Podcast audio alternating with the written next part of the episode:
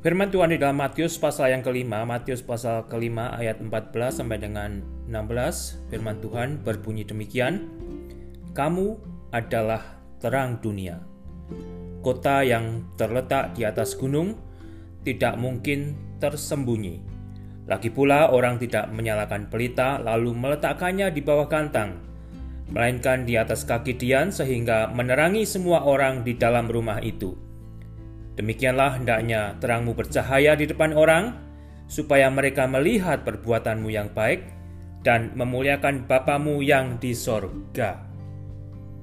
Saudaraku, kalau saudara perhatikan, di sini Yesus berkata kepada murid-muridnya, jika mereka adalah terang dunia, mereka adalah lampu dunia. Saya dan saudara perlu lampu untuk melihat tanpa lampu, gelap saudara.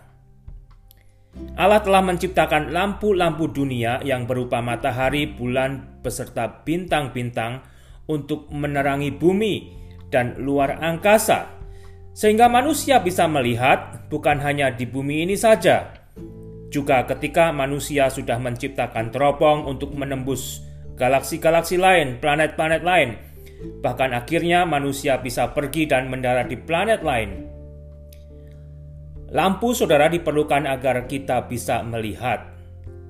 Yang lebih indah sebenarnya saudara, agar manusia yang telah diciptakan dan diberi mata oleh Allah bisa melihat jika ada pencipta yang menciptakan segala yang Allah ciptakan dengan segala keharmonisannya yang terjadi untuk membuat segala sesuatu itu berjalan berfungsi sesuai dengan penciptanya. Kitab suci telah mengajar itu semua. Silahkan baca dari Roma pasal 1 ayat 18 sampai dengan 21 dan baca sampai habis saudara sampai ayat 32 dari Roma pasal pertama mulai ayat 18. Saudaraku, setelah dosa masuk di dalam diri manusia, dosa itu membunuh manusia. Manusia meskipun diberi mata dan ada sumber terang, manusia telah menjadi rabun bahkan buta. Tidak bisa melihat jika di balik semuanya ada pencipta yang menciptakan di dalam keindahan dan untuk dinikmati manusia. Manusia meskipun punya mata untuk melihat, tapi telah menjadi buta untuk melihat keindahan yang Allah ciptakan dan berikan kepada manusia untuk dinikmati dan akhirnya manusia memuliakan penciptanya. Manusia menjadi buta, saudara, dan di dalam kebutaannya manusia hilang dan tersesat. Sebagian yang masih melihat dan percaya jika ada Allah Pencipta, tapi tidak menemukan jalan untuk bisa datang kembali kepada Sang Pencipta. Jalannya telah terputus oleh dosa. Manusia berusaha dengan caranya untuk mencapai surga, sehingga muncullah apa yang disebut agama-agama yang menjadi sarana bagi manusia untuk menggapai surga, untuk mencapai surga Tentunya di dalam agama banyak mengajarkan pengajaran yang baik, saudara. Tapi manusia telah buta jika kebaikan tidak akan menghantar manusia yang telah berdosa sampai ke sorga. Jalannya telah terputus dan terpisah antara sorga yang sempurna dan manusia yang berdosa. Oleh karena itulah Yesus telah datang dari Allah sebagai terang dunia. Kita yang sudah berada di dalam Yesus berada di dalam terang. Yang dulunya buta sekarang telah melihat. Keindahan ini bisa kita nyanyikan di dalam lagu Amazing Grace. Yang kalau kita nyanyikan dengan jiwa, saya dan saudara masih bergetar dan masih bisa menangis. Karena di sinilah kebaikan Tuhan kepada manusia manusia yang sudah tinggal di dalam kegelapan, yang sudah buta itu, boleh dicelikan dan melihat terang yang ilahi. Di dalam Yesus. Di dalam Yesus ada terang saudara. Dan di dalam Yesus ada jalan. Daripada itu saudaraku, kita semua terutama harus memperhatikan diri kita sendiri jika kita harus tetap berjalan di dalam terang sebagai orang Kristen. Karena Yesus telah tinggal dan menjadi terang hidup kita sebagaimana kita hidup di dalam iman Kristen kita. Mau tidak mau, terang itu menyala, dan nyala itu dilihat orang. Orang-orang yang berada di dalam kegelapan akan melihat kita yang berada di dalam terang dan menyaksikan kita menjalani hidup kita yang berbeda, saudara. Bedanya, kita berjalan di dalam terang bisa melihat apa yang kita lewati dan bisa memilih jalan yang aman, lancar, dan bahkan menjauhkan diri dari mara bahaya. Kita akan dilihat orang dan dinilai orang jika kita memiliki cara hidup yang berbeda karena kita berada di dalam terang Yesus. Terang menjadi natur saya dan saudara sebagai pengikut Kristus. Dan terang itu menyatu di dalam kita juga menjalani hari-hari kita sebagai orang Kristen. Di dalam Yesus ada terang dan terang itu memberi kehidupan. Hidup di dalam terang bukanlah kesombongan. Jikalau orang ada yang melihat kebaikan kita karena kita hidup di dalam terang, itu bukan kesombongan, saudara, tetapi itulah natur baru kita di dalam Yesus Kristus yang adalah terang dunia kita diciptakan baru untuk melakukan pekerjaan baik.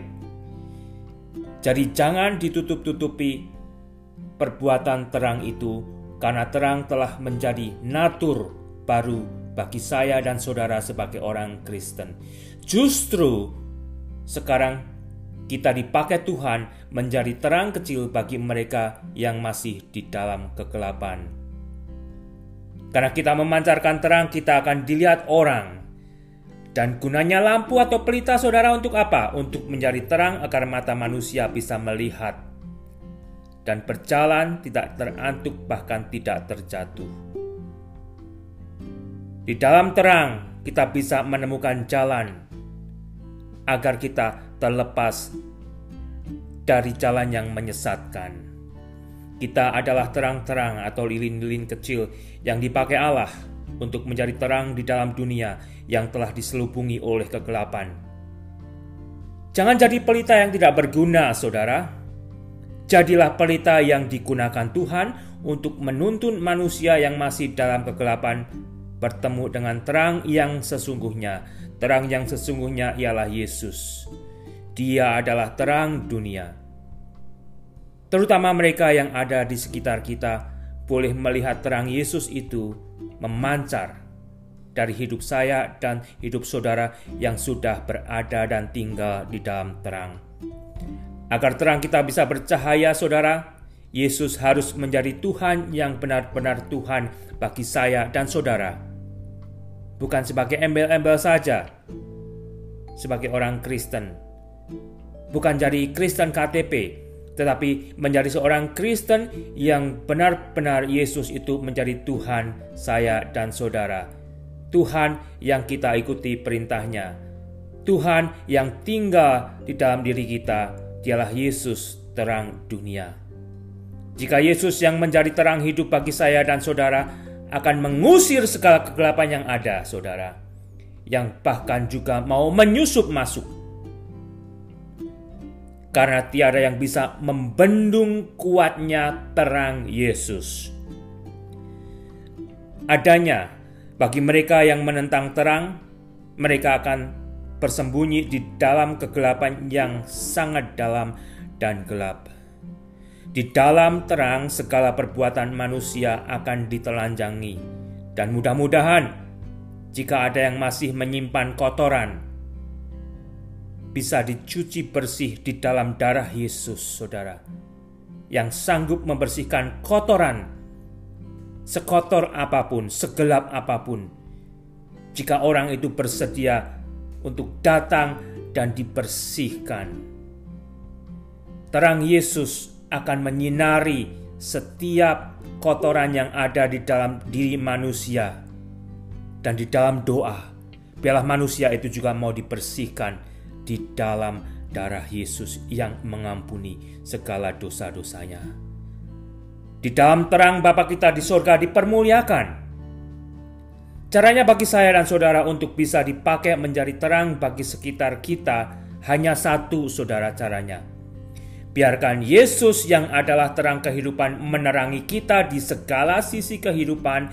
Biarkan Tuhan yang mengerjakan segala sesuatu segala sesuatunya di dalam diri kita melalui diri kita yang sudah berada di dalam terang. Maka terang Tuhan itu akan bercahaya di dalam diri saya, di dalam diri saudara. Sehingga kita akan menjadi lilin-lilin kecil, pelita-pelita kecil yang berguna menerangi sekitar kita sesuai dengan rencana Tuhan yang luar biasa, yang indah untuk menjadi terang-terang kecil bagi mereka yang masih berada di dalam kegelapan.